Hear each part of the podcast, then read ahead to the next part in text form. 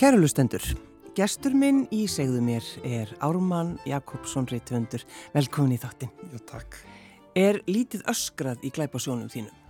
Já, eiginlega. Ég var að, ég var að lesa yfir þýðingu um daginn og ég tók að til að þýðandir let fólki vera með aðeins heittari tilfinningar.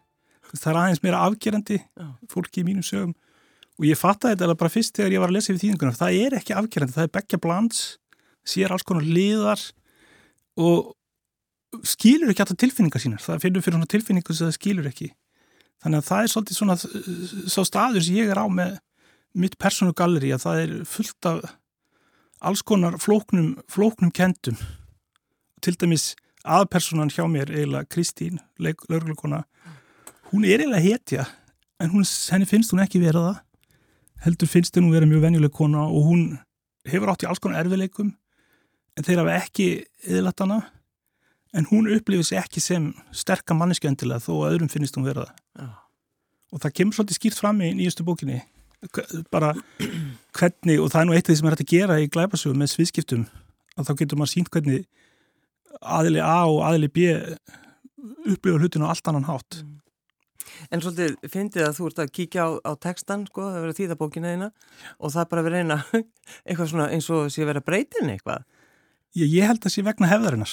Ég held að, að það venjulega er að fólk er afgerandi. Mm.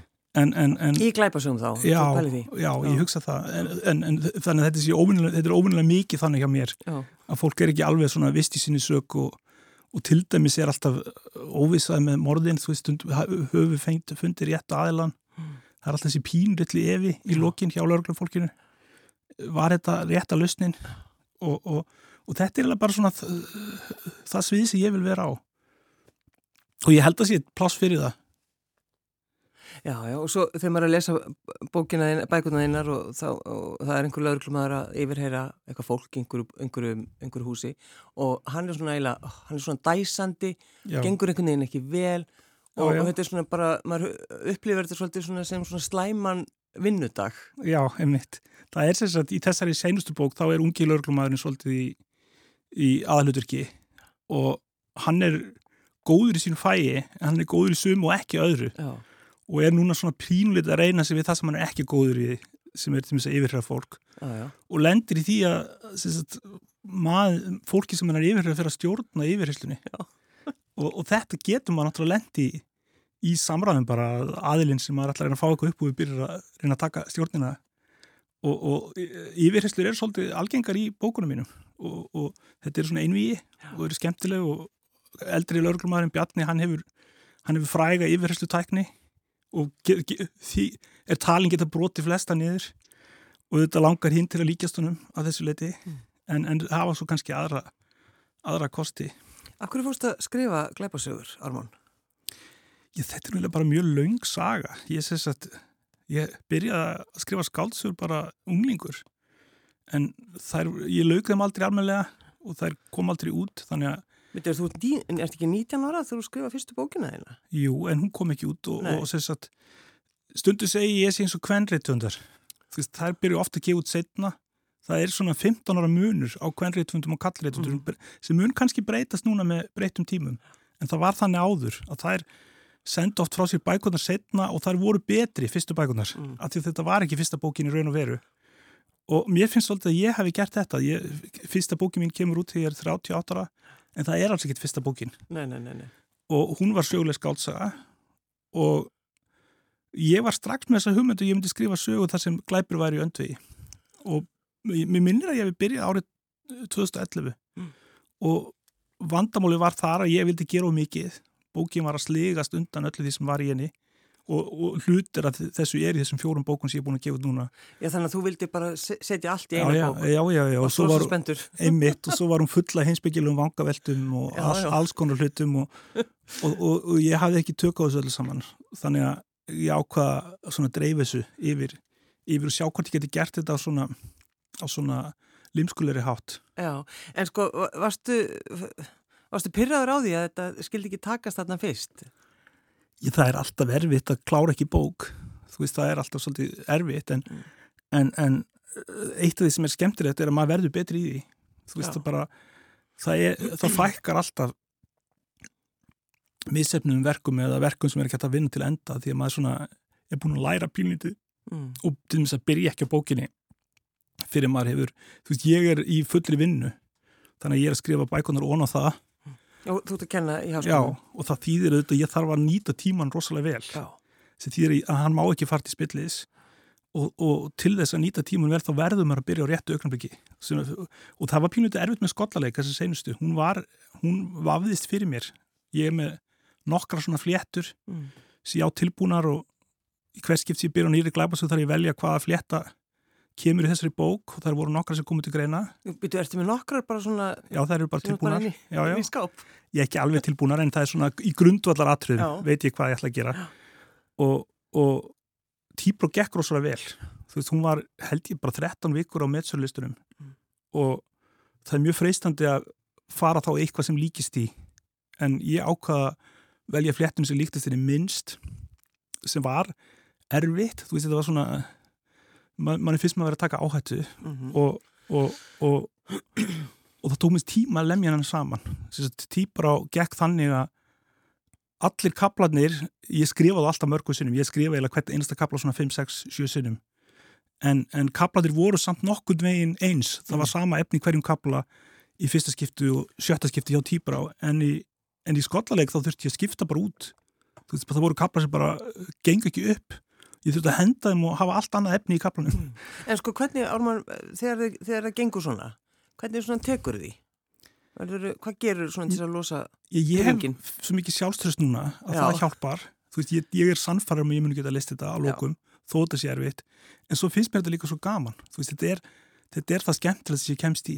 Þú veist, þetta er svona, þetta er kannski erfitt á sama tíma og sumafrí er erfitt. Veist, þetta reynir á mann, en þetta er samt, Það veit allir hvað þú ert að meina með því já, það er, þetta, er allt saman erfitt. Já. Það sem er skemmtilegt er erfitt. En, en, en, og mér finnst ægilega erfitt, en um leið mjög skemmtilegt að að skrifa bækur og það endar auðvitað þannig að ég bara get ekki stilt mig, þú veist og venjulega vinn ég bara á mótnana eða sagt frá 9 til 5, ég vinn mjög sjaldan eftir 5, en þegar ég er að skrifa skáldsögu, þá breytist það þá er ég kannski klukkan 11 kvöldin að bæta við einhverju við eða laga einhvern kapla að því ég bara, ég get ekki hamið mig. Já.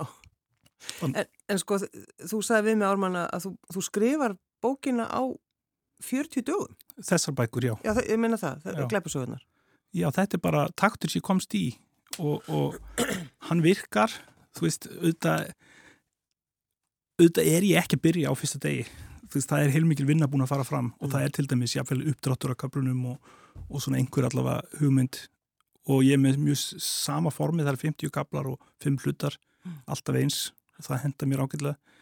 Þannig að það er allt sem hann ákveði einhver liti fyrirfram. En svo bara uh, hefur mér tekist þetta í öll þessi skipti og ég held að þetta sé bara, ég sé bara búin að finna minn takt. Já. og það kemur ekki til greina að hætta í miðju kafi vegna þess að þú veist, ég er alltaf spenntu fyrir hvað gerist næst. Eins og er vonandi líka. Já, er, ertu mjög skipulaður já, ég held að sé óhætt að segja það. Ég, og, bara, og bara í lífinu? Já, mitt markmið hefur alltaf verið sem minnst e, það sem Íslandika kalla vinnu eða það sé erfiði og sem mestur árangur. Og þegar ég var ungur þá vann ég á orðabók háskónas og las einu sinni tímaritt inntæknistofnunar Já. og það var mikið skrifað um framleiðni sem þeir höfðu mikið áhuga á en Íslandikar voru lít kunnir á þeim tíma. Og ég trúi á framleiðni þar að segja að ná sem mestum árangri með sem allra misti, minstri vinnu. Þannig að þú veist, ég vil helst gera hlut á tveim tímum sem aðri myndu gera á 20 tímum. Já, og ég vann þannig á veist, við sverrir vinnum á póstinum í gamla daga og, og við vorum báðir fljótari með okkar rútu en aðrir vegna að við vorum búin að breyta henni. Og laga hann aðeins þannig hún gengi sem hraðast. Og, og, og þetta, svona hef ég alltaf hugsað. Bara því minna erfiði, því betra. Já, og þetta er svona framleiðinu hugsunin og þetta er sennilega bara af því að ég er komin að kaupmannum þú veist, margir íslendikar er komin að bændum og svona alls konar en við, við erum komin að kaupmannum og kaupmenn hugsa um framleiðinu öruglega jú, jú þannig En, en hvernig varst þessum bann? ég Ármann. bara voða þögult og rólegt barn held ég við, við vorum náttúrulega tvíburar og leikum okkur mjög mikið saman Mm. og vorum meila allan daginn að leika okkur finnst mér og Og, og bara því tveir þá? Yfirleitt, bara við tveir sýstur okkar eru talsveit eldri og talsveit yngri mm. þannig að það er því miður fengið ekki mikið að vera með og, og þannig að við vorum oftast bara tveir en svo áttum við náttúrulega vini líka en, en þú veist langmestur tímin voru bara við tveir að leika Já. og þetta voru mjög skapandi leikir það var alls konar, þú veist þetta er svo kannski upphafið að rítumta hugsurinni er í þessum leikjum, maður var alltaf að finna upp á einhverju nýju og láta leikin vera aðeins öðruvísin seinast og, og, og þetta eitthvað nýtt í hug og mikil áhrif frá því sem við horfum á í sjónvampinu. Ég horfði á alla sjónvastaskrana þegar ég var barn en þú var náttúrulega nútíma börn skilja ekkit hvað, hvernig sjónvastaskran var þegar við vorum börn. Nei, nei. Þetta voru miðvöggudagar og lögadagar millir 6 og 7, það var barnafnið og, og það kom ekki til grein að missa því. Nei, Þannig að maður horfði á allt sem mann sem var í bóði og þetta hafði mikil áhrif á mann.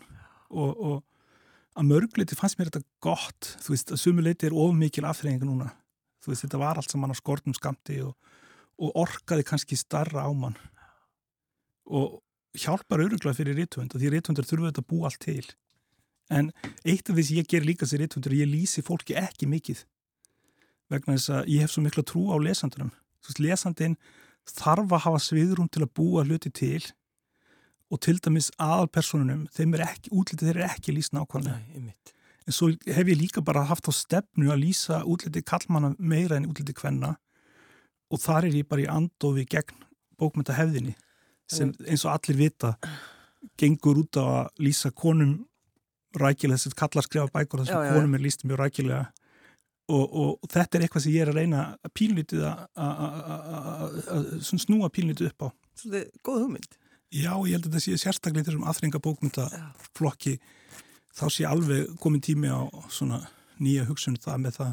Við vitum eins og skoðst hvaða lögga sætt Já, það er einfalleg lögga. Og það er náttúrulega þar er ég líka að leika mér með ákveðna klísjur vegna þess að löggan sem þykir falli er ungu kallmaður og hann, honum finnst það ekki. Og þetta er náttúrulega eiginlega alla personur eru byggðar af fólki sem ég þekki einhver leiti, þannig að ég þekkti svona mann sem var mjög falliður og hafði enga gjörsanlega hugmynd, hann hafði engan hugmyndum þá og engan áhugaði og, og þannig er mín lögga, þú veist, fyrir honum það að hann sé alltaf notar í bæklingina er ekki mikilvægt fyrir hann, hann hugsaði ekkit um það. Og svo náttúrulega gengur hann bara út frá því sem sjálfsögum hluta að konur hafi áhuga á honum og, og þú veist, fyrir fólk sem lifir þannig lífi mm.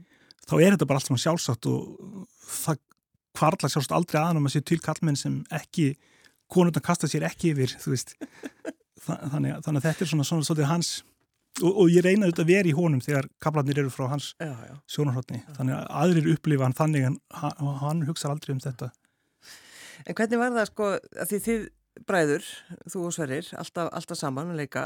Um, svona hvernig, var, var stramt heimilishaldið, hvernig, hvernig var það? Segðu hvernig frá því. Það var mjög agað og það var allt í mjög föstum skorðum og alltaf matmálstími, þetta var alltaf sama tíma og dagarnir voru svolítið líkir, það var mikið rútína. Ég segi stundum í gamni að mamma hafi fundið upp uppeldi nútímans. Já, eins og þeir í dag. Eins og þeir í dag, vegna þess að uppeldi heima hjá okkur var miklu líkara því sem er algengt núna en því sem var algengt þá mm. þá var mikið frelsi þess að börn voru frjáls og þau voru, þau voru sjálf, þau voru úti að leika sér og for, þau voru ekki mikið með fóröldur sínum ekki jafn mikið og núna. En hjá okkur var þetta þannig að við vorum bara alltaf með pappa og mömmu þannig séð. Voru, við vorum mikið saman og það var ekki mikið fjarlað heldur. Þau voru meirins og vinimanns mm. en, og það var, og maður fann það þetta var pínutu öðruvísi á sumum öðrum og það var öðruvísi í kynsluðun og undan. Og það var ekki þessi þetta, svona, þessi, þetta jafningasamband sem mér fannst vera hjá okkur en það var samt þannig að mamma og pappi réðu öllu. En þeim tósta að láta okkur líða eins og þetta væri núna allt saman við sem réðum öllu. Þannig, þannig og, og mamma til dæmis hafið þessa stefna að það mætti ekki pína fólk til að til að borða eitthvað sem þau vildi ekki borða. Og það var alveg þvert á uppeldi þá uppeldi þá gekk aðalega út á að pína börn til að borða eitthvað sem vildi ekki borða. Og það var svona, það var aðtil nummer eitt í batnaðuppeldi, var að pína matun í börn sem vildi ekki borða. Og mamma bara hafði tekið ákvörðum að það hefði ekki gert og þegar okkur fannst eitthvað vond sem var eða aldrei þá var það ekkert búið fram aftur. Sko, ég, ég nefnilega hef svo miklu skoðun á þessu Ármann, þegar verða pína börn til þess að borða eitthvað, maður skilur þetta ekki. En þetta var þannig í gamla börn sátu kannski bara í marga klukkutíma þú mátt ekki standa upp fyrir nú búin að klára matiðin Já, mamma var að mörgleiti mjög óvinnuleg og, og sérst að hún var sálfræði mentu frá Kaupmannöfn og hafði mjög sterkar skoðanir á uppeldi.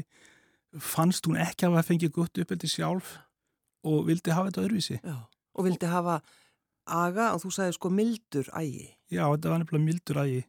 En mamma nota svona aðferðir eins og ef við vorum til búð og okkur langaði eitthvað þá sagði hún, ykkur langar ekkert í þetta.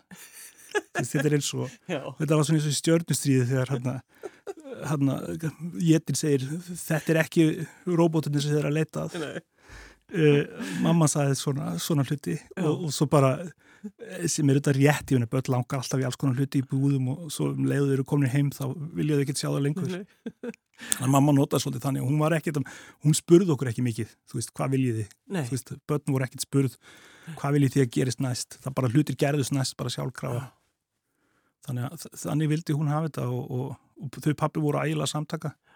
Og, og, og þau voru svolítið þau voru skemmtilegt fólk. Þau voru óurlega skemmtileg, mér finnst þau eiginlega skemmtilegri en við börnir þeirra, þau voru alltaf einhvern veginn eitthvað að sprella og spauga. Það var svona gleði á heimilinu. mér finnst það, mér finnst þau hafa verið alveg óvinni skemmtilegt fólk. Já. og, og við mikið svona húmor fyrir fólki í kringu sig og, og, og, og þannig að þetta var svona og þetta var svona eining. Við vorum bara svona við og svo var heimurinn. Þannig að, þannig, að, þannig að hlutir gerðist mjög mikið á heimurinu þannig þannig að þetta var ég, er allt, ég hugsa til þeirra hverjum deg ég var alltaf jafn þakkláttur fyrir hvernig þau hafði þetta þannig að, þannig að ég get ekki státa með að tragískri æsku En með, með bróðin, að því þið voru alltaf saman þegar þið voru litlir, Já. eh, hvernig er þið í dag, Ármann? það náttúrulega breytist þetta með bara tímanum og, Já, já. og þú veist, maður finnur að til dæmis þegar þegar vorum kannski 13 ára þá fórum við að vilja fá áhuga á ólíkum hlutum og, og ennþá meiri í mentaskóla og, og, en svo höfum við endað samt á sama vinnustad og erum núna á sömu hæði í átnagarði og, og bara eh, sambandið er mörgleiti betri en nokkur sinni fyrr. Þannig að og við erum, við höfum svipuð áhámál og við erum svona bæði líkir og ólíkir. Það er náttúrulega fólk sem elst upp saman. Það gengur í ákveðin hlutverk og kannski erum við ólíkari en ef við höfum ekki elst upp saman að því að þú veist annar gerir þetta og hinn gerir hitt uh, uh, og, og, en svo höfum við líka bara allt öðru uh, svona instinkt í hvernig við komum fram þannig að, þannig að við höfum allt mamma var frekar á móti því að gera eitthvað voða mikið út úr því að við erum tvíburar Já. Þið voru ekki settir í sömu fötin og svo leiðis, voru þið eins fötin eða?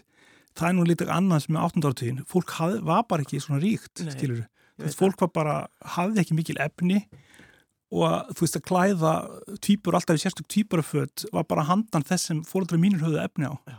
þannig að þú veist, það he- hefði aldrei komið til greina nei, við vorum eiginlega aldrei í sumu fötum og, og en mamma, við vorum alltaf, þú veist, ég átti mín fött og Sverrir átti sín þú veist, það var ekki þannig að við gengum í sömu, sömu Nei, nei, nei, peysunni. nei, nákvæmlega.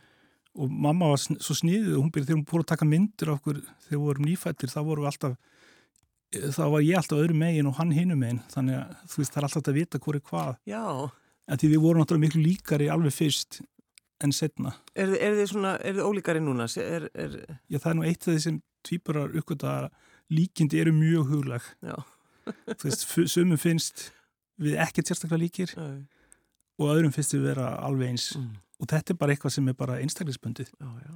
þannig að, þannig að en fyrir mig hefur þetta aldrei verið neitt vandamála því ég er ég og, og þá veit ég að hinn hlýtur að vera sverir En þið eru búin að vera svolítið mikið saman núna í, í kóinu. já, það, er- COVID hefur leitt okkur saman að því við vorum báðir við vorum báðir harðir á því að fara ekki heim vera, vera á, á, í háskólanum. En háskólinn var svolítið auður. Þannig að við stundu, sumandagana vorum við nánast einir hérna. Mér einhvern veginn uh, mér fennst háskólafólk fara full mikið heim í kófinu kannski. En, en, en auðvitað velur hver að gera það sem hann vil en, en, en sem sagt mér fannst mjög mikið að fara í skólan og vera þar og, og, og breyta þess aðeins og auðvitað er gott að hafa bróður á stanum Mm. það náttúrulega gerir þetta meira aðlandi og við vorum svona í samu hvað heitir það kúlu Já, já. þið tveir. Já. En það er líka, sko, að vera einn. það er, sem sagt, ég held að COVID er eftir að talsverð áhrif á fólk sem þurfti að vera meira eitt en að langaði til. Og þetta gerist einhvern veginn sjálfkrafa því fólk verður hrætt við annað fólk. Mm. þú veist, annað fólk verður skyndilega bara smitberar. Og, og þetta er ekki heilbrið afstæða til annars fólks en eðrilega í þessum já, já, já. en auðvitað hefur þetta líka jákvæð áhrif. Þú veist, ég meina, ég hef aldrei skrifað meirinn í kofinu þú veist, ég hef unnið alveg óskaplega mikið. Og þetta hjálpar vinnunni til dæmis, ef maður ætlar að skrifa glæpa svo 40 dögum þá auðvitað hjálpar til að séu engar fundir og ráðstefnur en miklu færri fundir og ráðstefnur og, og alls konar viðbyrðir en annars hefur verið Mm. og maður hefur líka leif, leifið að segja neyfið öllu Já, einmitt. af því að skyndilega má maður bara segja nei, ég kæri mig ekki um að koma þarna því að Nei. ég er smittrættur Akkurat. en svona undir venjulegum kringumstæðum þá þarf maður alltaf að fara og gera alls konar hluti Já, já, þessar skildur. já, það eru Já. margar skildur í nútímanum En eh, eins og til dæmis sko núna er, var að koma út þessi nýjasta bókiðin já, og, og þú segist vera komið með aðra. já Þetta byrjar að skrifa aðra. sett, ég á þrjú útgefin, óútgefin handrit og eitt hálft Nú það er, það er bara þannig. og svo er næsta glæpa sig alveg óskrifuð en ég byrjar að hugsa um hana Já. þannig að, þannig að það er heilmikið efni til og, og ég held að það sé gott að eiga svolítið efni þá er maður ekki, þú veist, þá er maður alltaf nóg að gera sama hvað gerist um, en við, sérst, útgefandin flutti mig yfir á vorið því að salan var aðeins dræmar en við vonumst eftir. Og það hefur haft áhrif bók, bókin veku meiri aðtegla því hún kemur á vorin. Og, og þannig, þannig að og það henda mér ágætlega vegna þess að ég, ég skrifaði vennilega í januar þannig að ég er nú tilbúin á réttum tíma Mm. fyrir vorið. Þannig að það hefur gengið ágætlega og nú er hún búin að vera þessi líka á letsanum og við vonum hún verði þar áfram. En það, eh, fyrsta bókiðin, Já, þá eh, skrifar einhver afturhugsemdum hann að kallar hann að kósi krimma.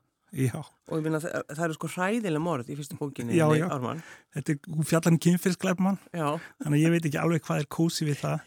Kósi krimmi. en ég, hérna, en ég, ég held að sé, sé kannski aðeins svo mikið opbeldi í glæpasögum í nútímanum. Það er svona, þú veist, maður les svona pyntingasögur Mm það er talsveit mikið og það, ég ákvað strax að það er enga pyntingar í mínum bókum. Var, ég var með tvær reglur. Í fyrsta lega það var engar pyntingar og svo eru engar skáletraðir kaplar af því þeir komist í tísku í glæpasögum ákveðin tímbil það voru svona skáletraðir kaplar frá sjónarhótti morðingjans. Jú, jú. og mér finnst þetta, þetta var eflust mjög snjált í fyrsta skipti sem þetta var gert en svo er þetta orðin aðeins of algengt þannig að þú veist, þetta, lesendur geta alveg trist á það, að það verður ekkit svona í mínum bók. Og ekki, ekki mikið af svona blekkingu með hver er, hver er að tala. Þannig, að- þannig að þetta er ekki það sem ég vil gera.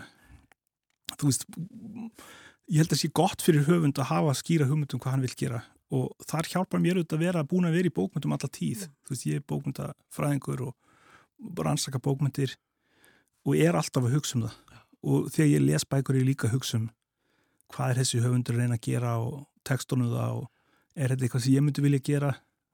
Og, og, og þetta er eilí vinna í raunveru og líka þegar ég horfa á Netflix. Veist, þetta er bara, það er engin það, maður á aldrei frí þegar maður er að fylgjast með sögum ef maður er í þessu fæi. Þannig, en svo líka uh, hefur einhver áhuga á að, að búa til bíó, er það ekki, úr bókunum þínum? jú, hann hann Sigur Jón Sikvartsson komið rétt á einni Mm. tíbra, Já. það var, er það ekki vinsilasta bókiðin til þess eða hvað? ég, ég held að hún sé vinsalust, jú. Já, en, en sagt, fyrsta gekk nokkuð vel útlaðamorðin, svo fór hún aðeins niður með bókum með tvö og svo fór hún aftur upp og held, helst vonandi þar. En reyndar hefur Salan á Tíbra og Skottaleg líka haft í ákvað áhrif á fyrirbækunar þannig að þær eru að fara líka sagt, meðfram, þú veist, fólk er að sagt, og þetta vissi ég erði þannig að það myndi einhverju byrja í bók 3 og 4 og svo lesa sig aftur. Og, og ég reyna að taka til þetta á einhvern nátt en hins er ég ekki endilega einn af þeim sem er alltaf að hugsa um að spilla ekki. Þú veist, það gæti alveg verið minnst á morðingjan í bók 1 í bók 4 og svo framvegis. Það, þú veist, þetta er bara eitthvað sem fólk verður bara að lifa með. Um, ég er ekki svona spilla, ég er ekki svona spoilera uh, sjúkur eins og svimir en, en þú hefur mikið metnað gafkvært uh, glæpasjónu þínum, Ármann. já, ég held að ég held að ég hafi það og mikið metna bara yfir leitt. Uh, ég gera vel samt aðalega, það er til jákaði metnaður held ég. Uh, þannig að þú veist, þetta er bara eins og að vera gudsmiður eða hvað sem er. Þú veist, maður er bara komin í fag og maður er alltaf að spreita sig við nýja og nýja hluti og langar til að gera vel. Þú veist, það er bara sama hvað fæðið er. Og hinn tæknanlega hlið því að skrifa er mjög mikilvæg. Og, og, og ég er sífælt að hugsa um hana. Bara, en þetta er náttúrulega svo flókið með að skrifa því að það er maður sjálfur og svo er lesandin eða áhörandin mm -hmm. og hann er alltaf með. Veist, það er alltaf, hverskipt sem maður skrifar eitthvað sem maður gefa út þá er alltaf einhver lesandi með í þessu sem veit ekki það saman maður sjálfur. Og maður þarf alltaf að vera að velta lesendunum fyrir sér. Hvernig munu lesendunum skinja þetta? Eru þetta er þetta hæfilega mikil vísbending? Er hún of mikil? Veist, þetta, og þetta, þess, þessu lendi ég líka í áður en ég var að skrifa glæpasugur þú veist, hvenar er eitthvað ofsagt? Hvenar er eitthvað vansagt? Þetta, þetta er, maður getur lendi í báðum maður getur lendi í báðum megin að segja of lítið og þá hefur lesendur ekki tækifæri til að koma sér inn í söguna og það getur átt við hvort sem það er glæpasag eða bara saga um tilfinningar fólks. Þú veist, lesendin hefur ekki hann, hef, hann, hann næri ekki hann hefur ekki nóg gott aðgengi inn í það sem maður vil segja hann eða hitta maður batar hann á mm. því sem hann maður finnast og þetta gerðum en svolítið kannski í kamla daga þess að ég var að lesa einn ágætna réttun sem ég ætla ekki að nefna frá fyrirlutu 2000 aldar og hann tristi lesendurum ekki neitt hann Já. segir þeim allt nákvæmlega hvað þeim má að finnast um alla skapaða hluti og svo segja hann það aftur og og í lokin kemur þetta bara veist, svart og kvítu, þetta er það sem ykkur á að finnast. Já. og þetta viljum við auðvitað ekki gera í nútímanum. Veist, við viljum hafa lesanda sem er pínuti virkur og, og er í vinnunni líka. Hann er að taka þátt í sköpun verksins. En samt verður hann að hafa tækifæri til þess að taka þátt. Og hvað var þar svona bækur sem eru skilgreyndar sem afþrengabækur er þetta flóki að því að fólk vil lesa það rætt og það þýðir að maður má ekki hafa þetta ofleinilegt að því að fólk vil geta skiliðar án þess að vera lengi að lesa hverja blassju og það er, þetta er flóki fyrir mig vegna þess að í raun og veru skrifa ég alla mína bækur þannig að það séu betri annarsinn þú veist mín stefn er svo að lesa bókina aftur sé meira gefandar að lesa hann í fyrsta skipti. En auðvitað veit ég að ég líka vinna með það að fólk mun ekki gera það endilega. Þú veist, fólk langflesti lesa bók bara einu sinni. Ah, og, og, og í tilveki svona bóka þá vil fólk lesa það rætt líka og það vil brjótast áfram og svo er það líka bara spennt. Það vil vita hvað gerist næst. Hvernig kennar ertu, Orman? Já, ég reynir mitt besta. Mér finnst erfitt að kenna, mér finnst það alltaf erfitt. Ég er alltaf pínlítið skjeldu við nefnundur fyrirfram. Það? Já, mér finnst bara veist, mér finnst nefnundur skipta svo miklu máli. Veist, þetta er eins og með lesendur. Lesendur skipta með miklu máli og nefnundur skipta með miklu máli og nefndur ráða mjög miklu um hvernig námskeiðið er. Það er að segja að námskeiðið er ekki gott nefn að þessi góði nefndur í því. Nei. og sérstaklega, ég nota mikið þáttuga aðferðina. Það er að segja nefndur eiga að tala mikið og ég er nýbúin að kenna námskeið sem er algjörlega hanna þannig að nefndur hafa orðið mest allan tíman og fá mikinn stuðning fyrst en svo mingar alltaf stuðningurinn og þau eiga að geta alltaf meira og meira sjálf og þetta gekk alveg upp í þetta skipti í loka tímanum töluðu allir og og það var ekki búið að segja þeim nákvæmlega hvað, hvað ég átt að segja. Þannig að þetta, þú veist, fólk lærir og þróskast í þessu. Og mér finnst mjög mikið að þetta kennari hugsi um nefnduna, þú veist, það sem er að gerast er að nefndin er að læra og það er mikilvægar en það að kennarin sé að kenna. Þú veist, kennarin á ekki verið aðluturki kennarin á ekki verið að hugsa hvernig tóðs mér upp. Þú veist, þá er einhver ekki að skipta einhverju máli. Þannig að það er svona mín kennslu uh, hugssjón En er þetta ekki algengt í, í, í háskólanum? Það eru ímsar, háskólanum er náttúrulega svo flókið og erfitt að það eru þetta lang algengast að kennarin sé að segja nefndur um eitthvað mm. vegna þess að eðli málsins er þannig að þetta er að vera að kynna fólk fyrir nýjum hlutum og það er alltaf viss hægt á að kennarin tali mjög mikið í þessum, þessum aðstæðum og uh, ég er alltaf verið að berjast við þá hvað ég voru að segja uh, sjálfkrafa þess að rjúfa þögnuna þá sé bara kennarinn alltaf tilbúin að segja allt og bjargöllu þannig að ég reyni að setja nefndum svolítið fyrir að tala mm -hmm. uh, og það er einhver svona ég held að Íslandingum líði mjög vel með því að einn vitur maður hafi orðið allan tíman og aðri sé ekki mikið að Gaspra. Gaspra. Ég held að þetta sé svolítið því íslenska eðli Já og íslenska skólakerfi gekk lengi út á það að fá fólk til að þeia í tímum en alls ekki að fá fólk til að tala í tímum.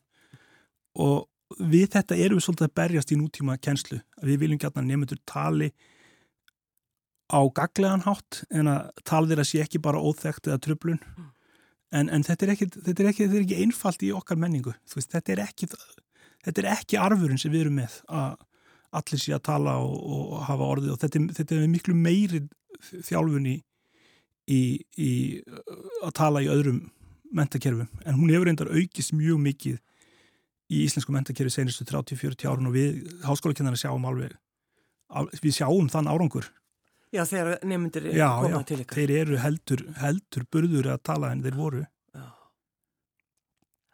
Mér sagt á sett fyndin á Twitter, Áman. Ég, ég hef ekki þá tilfinningu. Mér veist ég, ég, ég aldrei fá neyn hjörtu og, og sérstaklega þegar mér finnst ég hafa verið fyndnastur sjálfur. Já, þá er enginn. Já, því, því fyndnar sem mér finnst ég vera, þeim mun fyndnari finnst öðrum, ófyndnari finnst öðrum ég vera. Já. En þetta, mér, mér, var, mér var sagt þetta. Já, það er nú kannski einhverjir, eitthvað smekk fólk til. en, en, en Twitter er flóki fyrir bari mm. og öll tjáning er það. Já. Og, og, og svo er þetta svona samfélag líka því að það er miklu færri á Twitter en á Facebook Já. sem er eindir ástæðan fyrir að ég fór þangað. Ég var svolítið bara þrúaður af nærveru íslensku þjóðarinnar á Facebook. Þannig að hættir þar? Já, eiginlega. Já. Veist, ég er með málamynda aðgang. Já, já. En ekki, í raun og veru er ég ekki þar. Mm. En, en Twitter var skemmtilegu fyrst en svo mér, svo fyrst mér hann svona pínliti flókin að því að þú veist allir hafa fólk notar eh, þetta á sinn hátt mm. sumir eru í pólitískri baróttu og bjarga heiminum mm -hmm. og eru mjög reyðir við þá sem kannski er að segja brandara og segja jafnvel, þú veist, þið eru að segja brandara hérna meðan fólk er að tjást mm -hmm. og, og þú veist, og þetta getur verið alls orðið svolítið þrúandi mm.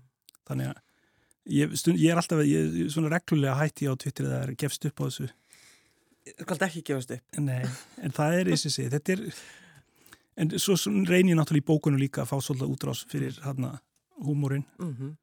að mér finnst það þurfa að vera húmór í bókum. En það er svolítið hættur að vera með húmór í bókum að því að fólk neyist þá til að taka í minna alvarlega. En, en mér finnst gott þetta að fara saman að það séu bæði sorglegar og finnar í einu. Þannig að það, það er svolítið það sem ég stefni að. Mm. en hvort það tekst, það er svona sér maður til. Ertu mjög prívat maður, Armán Jakobsson? Já og nei, myndi ég segja. Ég myndi segja já og nei. Þú veist, ég tala ekki mikið held ég um sem sagt mitt eigið líf kannski vegna sem ég finnst það ekki mjög áhugavert. Þú veist, þetta er svona eða frekar það er ekki frá miklu að segja kannski en, en, en en svo finnst mér líka í raun og veru segja ókunnur fólki allt í fyrsta sinn stundum, mm. veist, þetta er svolítið bara þetta er svolítið þetta er svolítið blanda kannski. En ég, ég finnst ég ekki dulafullur maður. Í raun og veru eina eina sem er ofurlegt við mig er hvað venjulegur ég er Álman Jakobsson, Rítuhundur Takk fyrir að koma Takk I was a stranger in this city out of town where the people I knew. I had that feeling of self pity. What to do, what to do, what to do. The outlook was decidedly blue.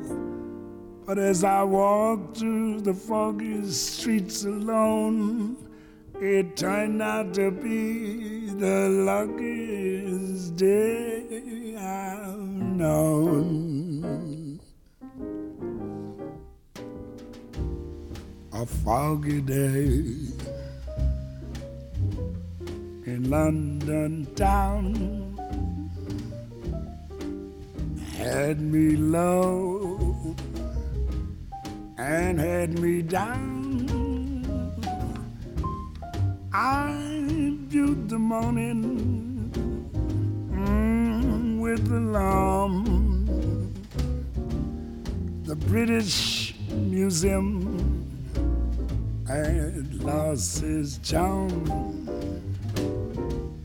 How long I wondered could this thing last? But the age of miracles mm, hadn't passed. Yes, for suddenly, baby, I saw you there through the fog in London town.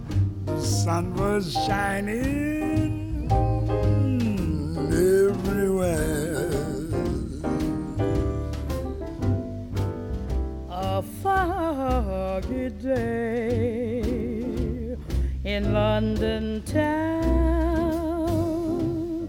had me low and it had me down. I viewed the morning with alarm. The British Museum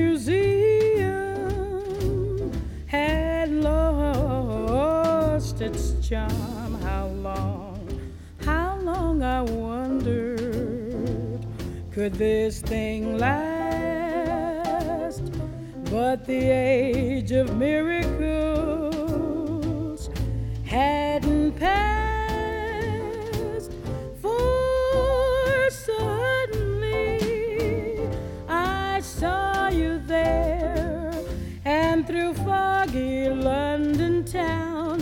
sun was shining